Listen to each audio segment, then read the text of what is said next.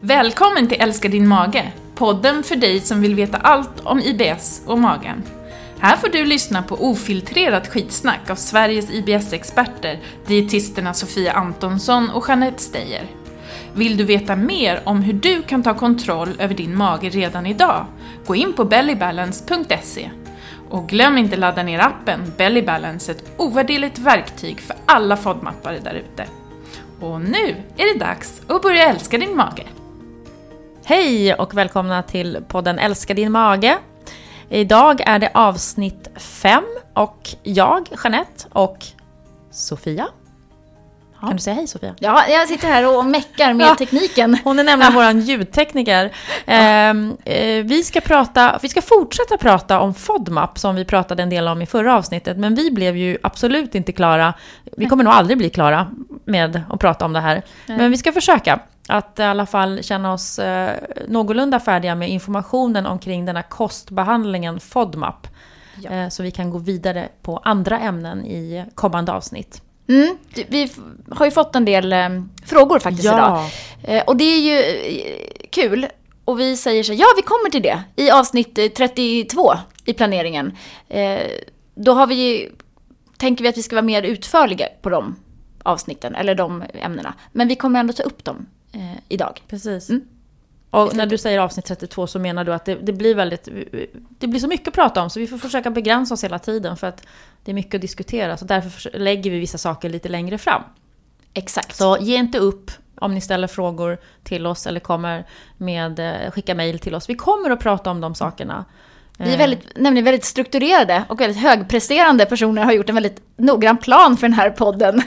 Så vi har redan satt alla avsnitt fram till år 2021. Ja, Nej, det har vi inte. Nej. Men vi har en plan. vi har en Eh, plan. Ja, Och den brukar vi ha och så tar vi ett nytt beslut och så Ja. blir det en annan plan. Det är så vi jobbar. så. Underbart. Mm. Mm.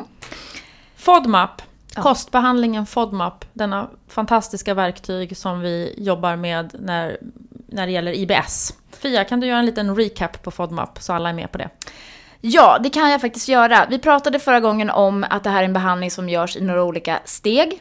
Vi har ett som heter elimineringsfas när man bara äter de livsmedel som vi har grönmarkerat på våra listor. Som de flesta dietister i det här landet jobbar med nu, eller många av dem. På, och, och i vår app då, eh, så ser man att det är grönmarkerat också. Vi jobbar efter trafikljussystemet.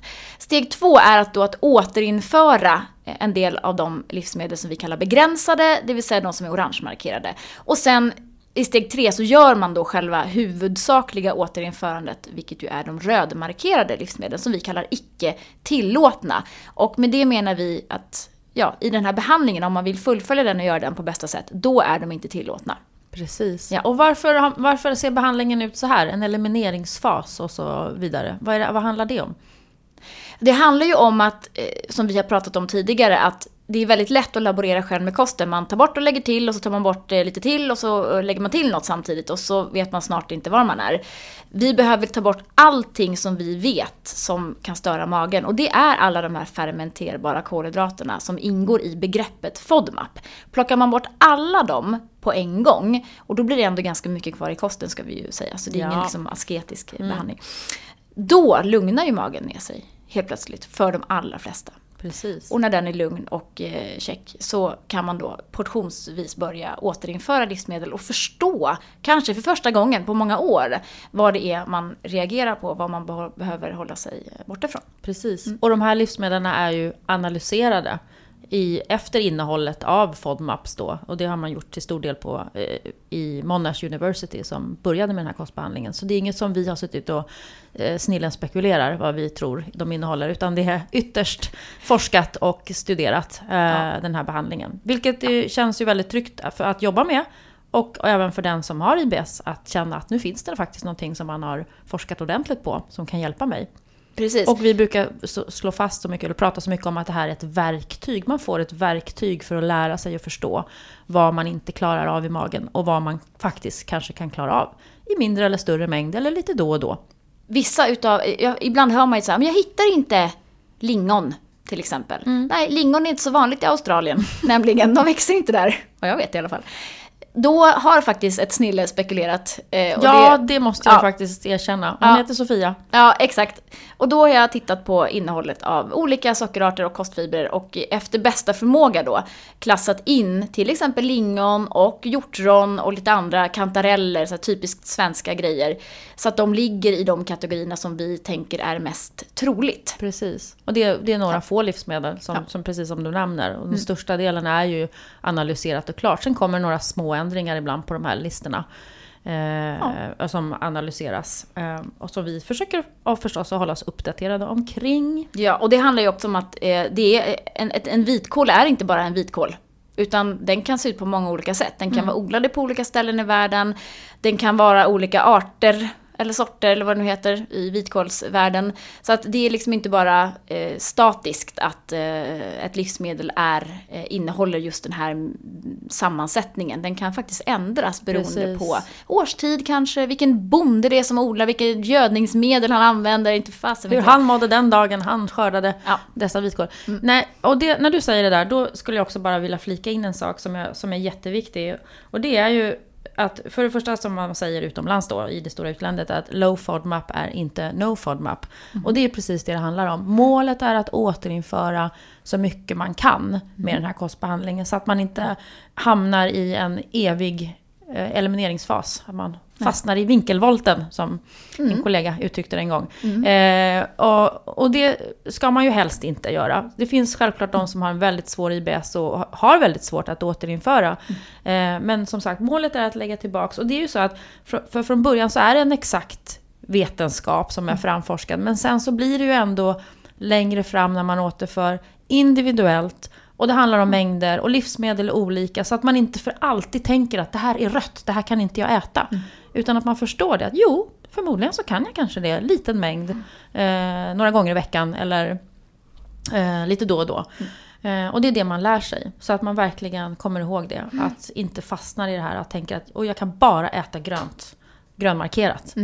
Många tycker ju också att man reagerar starkare Mm. när man då helt plötsligt har blivit bra i magen och börjar återinföra och så får man värsta reaktioner när man då återinför lite bröd eller vad det nu kan vara och man tycker kanske att alltså jag har blivit värre i, i, mitt, liksom i mina Ja, symptom. det där är jätteintressant, eller hur? Eh, Och då vill jag ju mena att det kanske man har, alltså man kanske får en, en, en lite mera ökad känslighet. Men jag tror att i de flesta fallen, vi har ju ganska svårt att komma ihåg hur det har varit. Och har man blivit bra eh, och sen börjar uppleva då symptom igen så kan ju det vara bara att man tycker att det känns jättejobbigt. Att det känns liksom som att de är mycket värre nu. Den toppen blir mycket högre Ja. Mm. än om, om man liksom ligger på en lägre nivå som utgångspunkt. Om man alltid haft, har lite små ont i magen hela tiden så kanske en topp jämfört med hur det brukar vara inte Mm. känns lika jobbig som om man känner sig väldigt bra, ligger på en lägre nivå smärtmässigt och så får man en sån här topp då. Det kan vara en förklaring, precis som Mm. Ja, du säger. Verkligen, verkligen. Men vi har ju ett mål med den här behandlingen. Vi brukar säga att, att målet med hela FODMAP är att efter 6 till 12 månader, ja, en lång period, ha identifierat 10 till 15 livsmedel som man vet att håller jag mig borta från de där så är magen okej. Och sen får man styra själv med hjälp av sin lilla hink. Ja. Eh, som vi har pratat om tidigare, att man kan fylla upp sin lilla hink med, eh, med sånt som innehåller FODMAP-molekyler. Och när den rinner över så får man symptom. Och nu, och nu pratar vi ju om kosten och som du säger 6-12 månader så har man identifierat några livsmedel ofta. Mm. Och sen så pratar vi ju väldigt mycket, jag vill bara nämna det här också, så pratar vi om de andra faktorerna Mm. som spelar in för magen, som man ofta också behöver jobba med. Hur ser livet ut? Mm. Eh, vardagen, stressen, hur, hur och när och var man äter. Så det, det blir ju de här pusselbitarna återigen som man får jobba med. Mm. Som, som gör att det blir oftast mycket bättre när man har, har gjort den här resan. Och nu har vi några saker vi tänker att vi behöver punktmarkera i de här eh, listorna eller i grupperna av livsmedel som vi vet att vi får mycket frågor omkring. Precis. Förtydliga. Ja. Eh, för det händer ju lite saker med livsmedel när man eh, ändrar, kokar, lagar, torkar, jäser, eh, gör juice av och så vidare. Som gör att innehållet av FODMAP förändras eller ökar. Eh, och det, det är ju därför bland annat att vissa saker som man första gången kanske läser listorna man tycker det verkar ologiskt. Men det finns alltid en en förklaring bakom varför det ena inte går bra medan det andra gör det. Eh, och vi kan ju börja lite lätt i den här fruktosgruppen som just handlar mycket om, om frukter. Som man ju testar då att, att plocka bort eh, de eh, frukterna som innehåller för mycket fruktos i början av behandlingen. Och även torkad frukt och juice. Och det beror på... Alltså dels att det blir torkad frukt så tar man ju egentligen bara frukten och så försvinner vattnet. Så det blir ju mycket, mycket mer koncentrerat eh, där i. Eh, I den formen. Man äter ju ganska lätt en påse torkade aprikoser. Man, lät, man äter kanske inte lika lätt två kilo aprikoser. Nej. Alltså färska. Eh, så att det blir ett mycket, mycket, eh, mycket mer koncentrerat innehåll av eh, FODMAPs i just den eh, typen Har du någonsin ätit en, por- en påse torkade aprikoser? Oh ja! Ja, det tror jag också att jag har gjort. Jag bara fick en så flashback, bara så här, gud, jag tror jag nog har kommit ihåg att det var inte så bra. Nej, Nej. det tar ungefär en kvart. Sen bara, sen är det liksom Hur kan det gå så fort? Det förstår vi inte. Nej, det, det, och det, det vet vi inte. Nej. För att de där aprikoserna ligger ju i magsäcken. De kan inte vara någon annanstans. Men ändå börjar det bubbla runt nere i liksom tjocktarmen. Så jag tror att det är något, det är ju liksom budbärarsystem som bara är ding, ding, ding! Nu kommer det aprikoser, håll i er! Håll, håll i hatten, här blir det fart. jag, jag tror verkligen att det är så. Men, men och likadant med juicer. Det är ju också så att om man pressar apelsin i ett, liksom, i, till juice så får man ju använda ganska många apelsiner, många, många fler än vad man skulle kunna få i sig om man äter dem med liksom, i hel, helt format. Det blir mer koncentrerat. Och där ingår också de här väldigt, väldigt kända juicemärkena som ska vara väldigt bra för magen. Eh, Ja, du tänker de här närmast liknande fruktsopp-juice-varianterna? är det de du pratar om? bakterier, Ja, precis. med bakterier i? Ja. det är, vi kan slå fast det en gång för alla att, att det är inte ett bra alternativ eh, för magen. Chock. Chock. Magens Nu blev det en löpsedel igen. lilla vän är inte magens lilla vän. I det här fallet. Nej, Därför att de innehåller det här fallet. Eh, mycket socker, mycket fruktos eh, och det är en ganska dålig Mm. eh, kombination eh, för den som har IBS. Så, och där, så därför så generellt då under elimineringsfasen så försöker man hålla sig borta ifrån juicer och dylika fruktsoppor. Ja. Eh, och även, det är ju en annan aspekt i det tycker jag också, just det här omkring juicerna. För Du säger att fruktoshalten blir ju mycket högre i ett glas juice än om man äter en frukt. Och det är ju oftast mycket bättre att försöka äta frukten. För då får man ju Ja. i sig, det här blir väldigt dietistaktigt, och det är det ju också. För att då får man ju i sig fibrerna som man annars slänger bort. Om man bara använder juicen eller saften från den här frukten. Just. Så ät hela frukten. Ät hela frukten. Och en spaning på honung. Ja. Eftersom jag råkar vara lite insatt Ja. i, i biodlarvärlden. Biodlarvärlden. Mm. Ja. Honung är ju, alltså det är ju the shit. The shit, jag förstod att det. Ja. verkligen. Alltså det, snart har vi, snart äter vi honung istället för antibiotika. Åh herregud. Känn på den! Ja. Mm, det tror jag verkligen.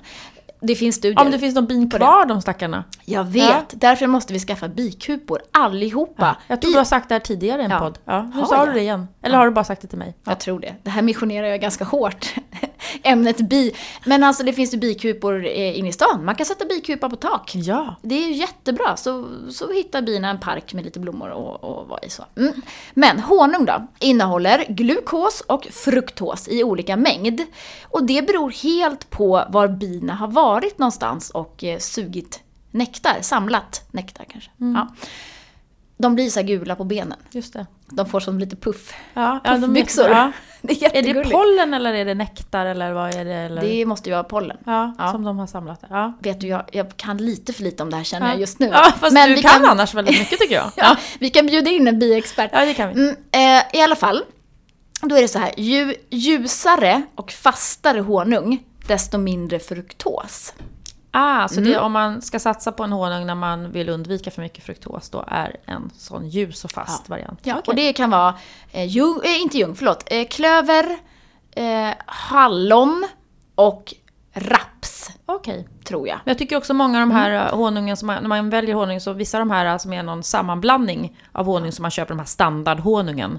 Eh, nej, nu skakar du på huvudet. Men de är ju ljusa och fasta, det var det jag skulle säga. Jaha, va? Är de? Ja, tycker jag. Ja, men alltså man ska alltid köpa svensk honung. Ja, bra, bra, bra. bra. Alltid svensk honung. Yes. Mm. Alltså det är så mycket fusk med utländsk honung. Ja. Man häller liksom i rent socker i Ja, honungen. Jag har läst det också. Ja, så sätter man på en sån här blågul etikett. Mm. För att det, då luras ju ögat. Man bara, Ja. ah, där är en svenska, så Japp. tar man den. Bra. Ja, så att Bra välj, välj inte en mörk flytande honung då. Ljunghonung till exempel, väldigt gott, men väldigt mycket fruktos. Så eh, satsa på den fasta och ljusa. Mm, det var det.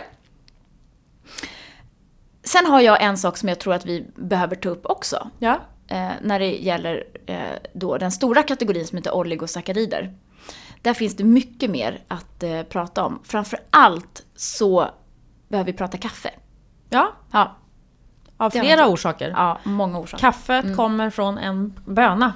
Ja. Kaffebönan som innehåller oligosackarider. Mm. Eh, men sen har ju även kaffet eh, motorik, tarmmotorikfrämjande substanser, bland annat koffein då. Mm. Eh, som vi vet. Så den kan ju påverka av flera orsaker. Mm. Så att i elimineringsfasen så rekommenderar man att man försöker dra ner, eller faktiskt då, lite beroende på brukar vi säga vilken typ av mage man har.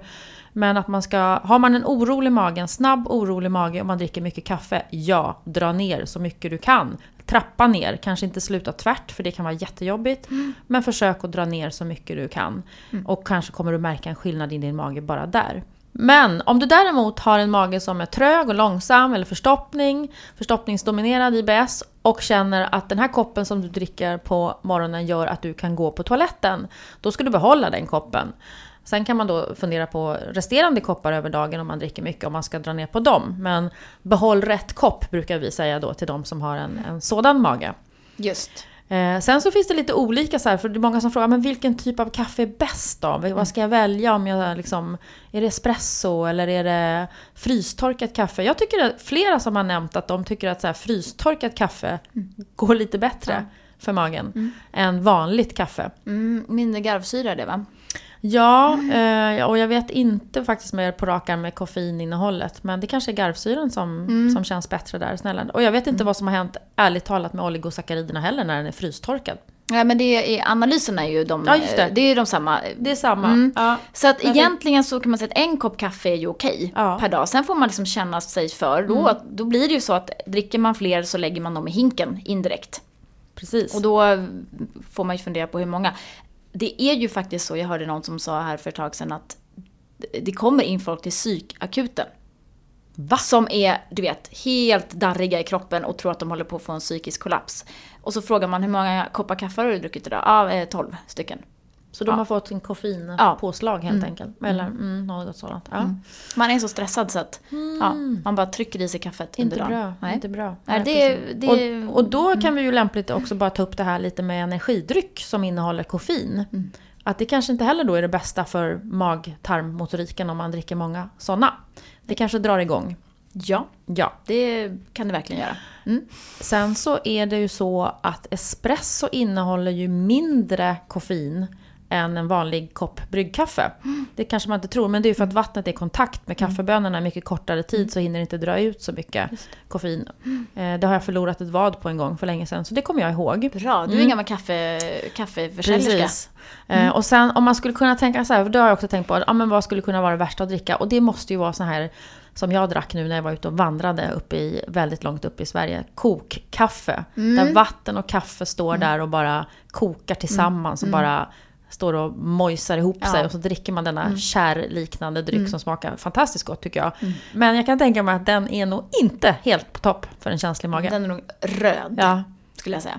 det skulle jag säga. Ja, verkligen. Men som sagt, eh, behåll eh, rätt kopp kan vi säga om, om kaffet. Yes. Ja, eh, har du, har du inget bättre för eller på att säga än att gå och hämta kaffe på jobbet så typ gör något annat. Ofta tar man ju bara den där koppen för att åh, nu orkar jag inte sitta vid datorn längre. Jag känner mig jag jätteträffad. ett- Ja. Mm. Mm. Ja. För jag dricker två munnar och sen så glömmer jag bort den och så blir den kall. Ja. Det är så man ska göra. Det var kaffe. Te då? Vad har vi på te? Vi har eh, vissa tesorter, några örtteer som man ska se upp med där i början. Eh, Örtteer? Urt, ö, urt, Ört. ört, örtteer. Ja. Ehm, bland annat har vi ju, vi kanske börjar med svart te, då vanliga svarta teet, Mhm. som är Också fermenterat faktiskt. Ja, ja, det är det ju faktiskt. Men det är, det är lite sådär halv okej. Man kan dricka en kopp. Det tycker vi är okej. Ja. Eh, Det är det svarta. Men sen har vi då grönt te, vi har rött te, vi har vitt te. Som går Som alldeles är utmärkt. Mm, Mm, precis. det har vi. Och så hade vi de här örtteerna då, Mm. bland annat kamomill som är en liten bubblare. Ja. Det visste man kanske inte. Nej, och kamomillte har man ju, alltså det är, det är ju en, en Gammal läke. Ja, exakt. Det är sedan många, många år har man ju använt kamomillte just för att få lugn och ro, kvällsro och allt vad man nu kallar de här Och det ska vi teerna. inte ta ifrån kamomillet. För det finns ju en del evidens för det till och med. Att Att den är innehåller lite- vissa ja. eh, lugnande. Mm, precis. Men samtidigt då en del fod- FODMAPs. Så att, eh, det är bara att hålla koll på det. Kamomill och sen har vi lakritsrot som ju är en ganska vanlig substans i eh, alla sådana här yogiska teer som har kommit eh, nu. Eh, maskros och eh, fänkål. Just det. Mm. Fänkålsfrö. De får man se upp lite med då. Ja. En annan sak som jag tänkte på i samma kategori då faktiskt, det är ju i samma oligosackarids-kategori. Det är ju nötter och, och frön. Att, eh, där är det verkligen att man inte kan se på vilken nöt som är hög halt av oligosackarider och inte. Till exempel cashewnöt då, som man rödmarkerar och som går bort i elimineringsfasen. Som många ju äter, en väldigt populär nöt. Men däremot valnöt då till exempel går bra att äta. Och även då frön, de flesta frön går ju väldigt bra. Och det är en bra källa till fibrer också ska vi komma ihåg. Både nötter och frön är ju små liksom, krutpaket när det gäller både näring och energi, kalorier och fibrer också. Eh, Så det är ju väldigt bra livsmedel men, eh, och där kan man ju fundera på eh, så att man inte får i sig för mycket om man inte behöver mycket energi under dagen. Och behöver man det så kan man ju äta massor. Precis. Mm. Jag känner att jag har dissat chiafrön i en artikel den här Nej. veckan. Jo, det har jag gjort faktiskt. Varför det? Jo, jag måste komma ihåg varför. Jo, därför att vinkeln var ju super, super, superfoods helt Ja. enkelt. Eh, acaibär, gojibär och chiafrön till exempel då. Är det någonting som vi, som är så himla super? Vad är super överhuvudtaget? Eh, och det är ju, chiafrön kan man ju absolut äta. De är dyra och man ska inte äta för mycket för det är ju också så att de innehåller ganska mycket fett, de här fröna. Så att det är ingenting man ska sitta och äta liksom hur mycket som helst av. Eh, Men däremot är det många som tycker en chia-pudding till exempel, där man använder någon matsked, eller så, eh, känns jättebra i magen. Och det tror jag också. Och det är ju en bra fiber som blir lite samma effekt som linfrön, att det blir det här geléaktiga Exakt. eh, som känns skönt i tarmen. Och hjälper till att göra så att eh, bajset får rätt konsistens. Precis, Ja. volym. Volym, Så så, man får- att tarmarna får Ja. jobba. Mm. Men det är som sagt, det är bra med nötter och frön, men i lite måtta. Vi har ju många som heter fröknäcke. Eh, Alltså är, hur gott är inte fröknäcke? mm, det är gott. Det är så gott. Men man äter ju upp hela den här plåten på Ja, en jag, gång. jag bakar inte det längre för att jag äter upp allting på tre dagar så är Ja. borta. Det är ju väldigt mycket frön, eh, naturligt är det då. Mm. Så att ehm, får, ni, får ni gå väldigt mycket på toa så kanske det helt enkelt är för mycket. Så, kan man frön kan man ju verkligen tänka just omkring det här. Är jag förstoppningsdominerad, Mm. har trög mage och ska äta FODMAP, då kanske man ska satsa lite extra på frön. Och fröskal, fusilliumfrö, Mm. husk som det även eh, säljs under namnet. Att, att satsa lite på det. Mm. Men eh, har man snabb mage eller äter väldigt mycket frön så kan man ju Mm. fundera lite på, på det. Det är allt med måtta. Ja men alltså jag skulle precis säga det. Mm. Alltså det är ju bara så. Jag åt 500 gram broccoli igår kväll. Ja, ja men grattis. Det var min middag. Grattis. Ja, jag älskar broccoli. Ja. Det är min favorit. Framförallt så här ehm, eh, frysta. Mm. Och apropå att saker och ting händer med grönsaker. Ja, frysta broccoli. Ja, det är alltså. jättegott tycker jag. Va? Ja, alltså jag äter dem ju inte frysta. Jag, Nej, det förstår jag. Men jag fräser dem med lite smör och lite Ja, ja. salt på. Men det är också en del, apropå det här med att ha liksom olika färg på grönsakerna. Vi har ju pratat om det här med löken och det, att, att det är de vita delarna som fibrerna sitter. Salladslök till exempel, där man kan äta eh, själva blasten, den gröna. Det är samma sak med broccoli. Det är därför det är så bra med de här frysta, därför att de mörkgröna, bukett, liksom bl- blomman, det är de som är, de är snällare mot magen. De här ljusgröna stamdelarna är lite sämre. Så att där Ja, I de ju frysta så har du liksom- mera bukett liksom, än Ja, stam. Ja, ja, ja, men det exakt. kan jag köpa. Mm, Men Ja. 500 gram är för mycket. Eh, ja, jag kan tänka mig Kan det. Mm. Du får gå och prata med en dietist om det där tycker Jag jag. måste verkligen göra det. Det här börjar urarta. Ja, så är det. Vi har olika cravings. Just nu är jag inne i broccoli-craving. Fin mm. craving. Ja. Så att det, händer, det är liksom någonting som händer där. Sen har vi ju det här med när saker och ting fermenteras som ju är så himla nyttigt och så Ja. himla poppis och så himla super det också. Precis, för vi pratar ju om, när vi pratar om FODMAP, det här fermenterbara kolhydrater, då pratar vi om det som händer nere i magen med de här kolhydraterna, nere i tjocktarmen då framförallt. Att de jäser och fermenteras där nere och det är det som blir jobbigt. Men om man då pratar om sånt som redan har fermenterats i en, i en tillagningsprocess, som ett surdegsbröd till exempel, eller andra saker, då har den här jäsningen och fermenteringen och nedbrytningen av den här oligosackariderna som det oftast då är, eller andra FODMAP, redan skett. Och det är därför det smarta i det är att då blir det oftast lite bättre, eh, känns lite bättre i en IBS-mage. Just det, exakt. Och då har vi ju sånt som inte är tillåtet inom FODMAP, till exempel kombucha. Just som är ett fermenterat te som är analyserat och tvärrött. Just det. Mm. Och kimchi, som är den här japanska, eh, Koreanska va? koreanska, faktiskt Ja. koreanska. Ja. Mm. Helt riktigt. Jättegott. Jättegott. Eh, sjukt mycket vitlök. Ja. I vanliga receptet. I en kokbok som kommer väldigt snart Åh, har vi ett recept på en kimchi utan vitlök faktiskt. precis. Den går att göra. Eh, men eh, den är ju bra för magen. Det blir mjölksyrafermentering som är naturligtvis eh, då kan göda på, eller egentligen vara lite extra, extra tillskott av laktobaciller och bifidobakterier, de typerna av mjölksyrastammar. Precis, och det där är ju väldigt mycket het diskussion just nu omkring det här eh, att äta eh, fermenterade eller syrade grönsaker eller prebiotiska liksom, eh, och probiotiska blir det ju då också, ehm, livsmedel. Och, eh, och, och forskning säger att ja, förmodligen är det bra. Det visar lite olika saker. Man vet inte med säkerhet. Men vi har väl en känsla eller en tanke omkring att eh, många sådana livsmedel är bra att äta. Just för att grundlivsmedlet också är väldigt bra. Det kanske handlar om kål eller Ja. vitkål eller andra grönsaker. Eller eh, surdeg. Eller, ja, Bra saker helt enkelt. Mm, absolut. Och det är ju... Vi ser ju att vissa saker som är fermenterade eller inlagda blir snällare. Inlagda rödbetor är ju okej. Färska rödbetor är inte okej. Det händer någonting där. Och där är ju för att det är vattenlösliga fibrer i rödbetan som ploppar ut i spaden, som vi ju inte äter, utan vi äter bara rödbetorna.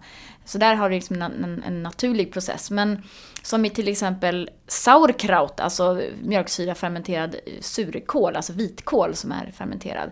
Där blir det ju tvärtom en högre koncentration av socker och alkoholer i det här fallet. När man då, den här liksom vitkålen slakar ju ihop sig. I, Vätska, ja, man häller det vätskar vätska. ur sig. Mm, Ja. mm. Så att det blir helt enkelt mer koncentrerat innehåll. Precis. Och så när man då pratar om det här så pratar man oftast om serveringsportioner. Och då blir ju en, en, en serveringsportion med surkål blir väldigt mycket mera kål än en port- portion färsk kål som ju innehåller massa vätska. Ja. Så då blir det är lite som det där med torkade frukten där kan man nästan säga. Ehm, så det, det händer mycket saker med, med livsmedel när man preparerar det. Och sen är det ju många som känner av, som har känslig mage också, att det kanske är lite snällare mot magen att äta saker som är kokta, ångade, ugnsbakade eller tillagade än råa. Att det, då har man ju startat en nedbrytningsprocess när man tillagar mat. Eh, som kanske hjälper matsmältningen när man har en känslig mage. Brukar vi säga. Havre vill jag prata om nu. Ja! Ja, Shoot honey! jag älskar havre. Ja, det är fantastiskt. Ja, det är faktiskt verkligen gott. Och nyttigt. Havregrynsgröt. Ja. Alltså vad skulle man göra utan det? Ja, våra luncher, vad skulle de bli egentligen? Jag vet inte. De senaste fem åren, Jeanette. Nej. Så här är det, havre har... I början, när vi började med det här, så hade vi en analys på havregryn. Och den var då lite sådär tveksam, så vi har haft den som begränsad eh, mängd, 30 gram, alltså 3 fjärdedels deciliter, vilket ju är knappt en portion kan man säga, havregrynsgröt. Nu har det ehm, kommit upp flera analyser på ekologisk havre eh, och på eh, finmald havre och eh, grovmald eller vad det nu kan vara för något. Olika former. Valsad. Valsad, Eller ja. något sånt. Ja. Det vi, det vi kan slå fast först, att fiberberikad havre är nästan alltid eh, berikad med vetekli. Förutom ett av våra havremärken som säljs i en liten röd kartong, gammal hedligt märke. De berikar med havrekli, den är okej. Men annars så är det vetekli, så att aldrig fiberberikade havregryn när vi pratar FODMAP. Nu har det hänt grejer på havrefronten. Man har analyserat och Tada! Tada! Vi kommer att sätta havre som grönt. Precis, och det gör ju en ganska stor skillnad när man börjar elimineringsfasen. För att kan man inte äta vete, råg och korn, men man däremot kan få till det med havre och baka eller göra grötor eller müsli och så vidare. Det underlättar ju en hel del. Plus att det är en väldigt bra fiber. Exakt. Det, det har kommit studier på senare tid som visar att havre är en väldigt, väldigt bra prebiotisk förlåt, fiber. Det vill säga mat till våra tarmbakterier som vi ju till dels svälter lite grann med elimineringsfasen då i FODMAP.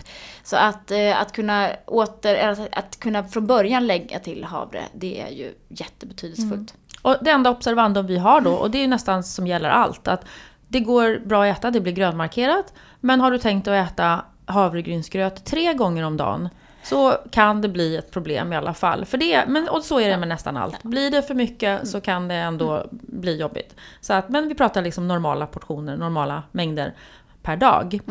Och gärna en, en svensk havre, tycker jag. det Ja, är bra. absolut. Finns det något annat än svensk havre? Nej, jag vet inte. Jag vet inte. Men Ja. det, som är, det som vi ska göra, vi ska ju ändra på våra listor såklart och vi kommer uppdatera appen också. Men Ja. nu har ni förhandsinformation om detta. De Ja. som redan har kanske tittat på Monars app, de ser ju kanske Ja. redan sett det här. Men eh, Vi har ju haft en liten sådär tveksamhet här i och med att vi har haft några som kanske eventuellt tycker att det är lite stökigt med havre i eh, tarmen. Nu provar vi det här och så får vi se var vi, var vi landar. Och samtidigt då när vi är inne och pratar om eh, havre och app, app vad jag skulle komma till, så har vi ju numera en streckkodsläsare i appen, en helt egen FODMAP-scanner. Så när du är ute i butik så plockar du bara upp din telefon och eh, scannar av streckkoden på livsmedlet och får direkt om det är grönt, orange eller rött. precis, ett fantastiskt hjälpmedel. Vi, har ju fått, eh, vi har ju testat den här appen nu ett tag på eh, de som är medlemmar hos oss då. Ja. Men nu finns den ju även att köpa som en fristående liten app då. Eh, och vi har fått jättemycket bra återkoppling på att det är ett jättebra hjälpmedel och det är vi så glada för. För det var precis det vi hoppas, hoppades att det skulle vara så. För det är ju något som vi har hört genom många år. Åh, det är så svårt när man står ute i affären och man står med lista och man ska kolla och man kommer inte ihåg eh, vad det var. Så att här blir det liksom snabba svar. Ja, och då har vi också några svar på veckans Ja, lyssnarfrågor. vilken fin övergång! Ja, Alltså, så fantastiskt. Ja. Och då hade vi en fråga om halstabletter Ja, där, vilka man kan Eh, äta. Precis, vi har ju fått några frågor och eh, bland annat var en som skrev vilka halstabletter kan man äta? De flesta innehåller ju sockeralkoholer i någon form. Och så är det ju. Men det finns faktiskt eh, Vicks blå, den här eh, or originalet tror jag den är. Eh, innehåller glukos, visst, som ju inte är en FODMAP. Och sen har vi någon som heter Dr. Kreutz. Eh, och Canolds, sån här lite, de har nog funnits med ett tag. De ser, har så lite äldre förpackningar. Eh, och sen hur mycket halstablett de är, de innehåller nog, alltså det kan man ju... De innehåller ju socker också, Ja, för tändernas skull kan man ju tänka att det är inte... och så innehåller de lite myn- pepparmyntolja och lite sådana saker för att, och kanske känns lite skönt i halsen. Eh, men det är i alla fall de som, som vi har hittat som finns. Ja men Fisherman's Friend också faktiskt har ju en. Ja. Original, det är deras original tror jag den heter. Eh, en av dem som också innehåller, inte, so inte sockeralkoholer utan glukos. Då. Just det, Mm. precis. Och sen är det ju så att har man riktigt ont i halsen, alltså man behöver de här bedövningskaramellerna som finns på apoteket, så kan man ju oftast ta en eller ett par sådana Ja. per dag utan att det blir alltför jobbigt i magen också. Men det är ingen... Mm. När det, gäller, mängder. nej men precis, när det gäller sockeralkoholerna så är det oftast Mm. det här att man går och tuggar 10 tuggummin om dagen eller äter en halv Läkerol-tablett. Det är då liksom det kanske smäller till. Ja, exakt. Då smäller det till. Bra, det var den. Och sen hade vi en fråga om ris och arsenik. Ehm, och det är ju så att det har eh, uppmärksammats att eh, risprodukter, alltså ri, vanligt ris, men även då rismjölk, eller ris, risdryck heter det faktiskt, och eh, vällingar och grötar som är risbaserade, eh, innehåller ja, varierande men relativt höga mängder av, eh, eller halter av arsenik. Och det här kommer ifrån, eh, det är ingen, det här är liksom en naturlig, naturligt innehåll av arsenik i jorden där riset odlas. Så det, man kommer inte ifrån det här om man väljer ekologiskt ris, utan det kan finnas lika mycket arsenik eh, ändå naturligt i de här jordarna. Därför säger man att risprodukter ska icke ges till barn under 6 år enligt Livsmedelsverkets rekommendationer. Eh, det vill säga alla barn som är mjölkproteinallergiska och som ska ha ersättningsprodukter ska varken ha ris eller soja utan helst då havrebaserade produkter. Och är man orolig nu och äter mycket glutenfritt, där ju rismjöl eller risstärkelse är ganska, eh, ja, oftast ganska stora ingredienser. Eh, så kanske man, eh, om man är orolig, ska äta mindre av det helt enkelt. Ska man koka ris så är det ju bra att eh, först skölja riset ordentligt och sen koka i väldigt mycket vatten. Och sen hälla bort vattnet innan man äter så får man bort största mängden av eh, arsenik. Vi har idag ingen, ingen sån här rekommendation kring arsenik. Alltså någon typ av högsta halt som det får innehålla. Det är lite konstigt. Mm. Och man kan tänka att vi kan nog förmodligen äta risprodukter några gånger i veckan. Ja. Eh, utan att det är någon fara Ja, för det. exakt. Man behöver kanske inte basera hela sitt intag på ris. Det är väl kanske det som är det viktigaste. Utan att man äter lite allsidigt och varierat och det kommer vi alltid tillbaka till. Precis, Ja. precis. Och då kommer vi till, till nästa lilla fråga som också var det här angående vad kan man, eftersom vi pratade förra avsnittet om FODMAP och tarmbakterierna och som du sa, man kanske svälter dem lite grann i början där. Vad, vad kan man föda dem med? eh, För att ge bra grogrund till eh, tarmbakterierna. Och då kommer vi åter tillbaka till det här. Ja, men det gör vi genom att äta liksom varierat, äta, försöka äta ren mat. Då pratar vi liksom olika typer av grönsaker, försöka variera sig så mycket som möjligt.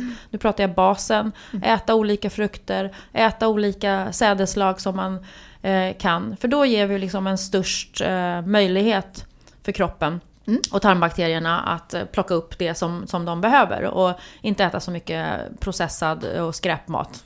Nej, exakt. Men sen finns det ju några topp, toppar som är bra att eh, kanske extra tänka på då om man vill föda.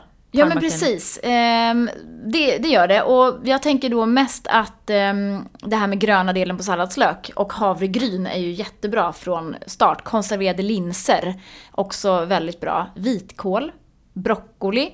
Så det finns ju en hel del um, kall kokt potatis är ju vår favorit. Pratade vi om den? Kanske Jag tror vi pratade om den förra gången, Resistent ja. stärkelse. Potatismjöl i lite vatten kan också eh, vara ett eh, tips om man bara vill um, göda på tarmbakterierna lite grann. Så det finns ju faktiskt. Eh, Men att man liksom inkluderar det då från början i sin kost är ju eh, jätteviktigt. Absolut. Sen kommer vi att vara på mässa Ja, nästa vecka. Ja. Eller veckan som kommer här. det blir då den eh, lördag den tionde skulle jag tippa på att det heter. Ja men precis. Ja, Och- november pratar vi. Ja, och fredagen också för Och den delen. fredagen. På två mässor är vi. Vi är för ehm, eh, Mat för livet, vilket är en, eh, en eh, mässa för personer med celiaki, eller Celiakiförbundet som anordnar.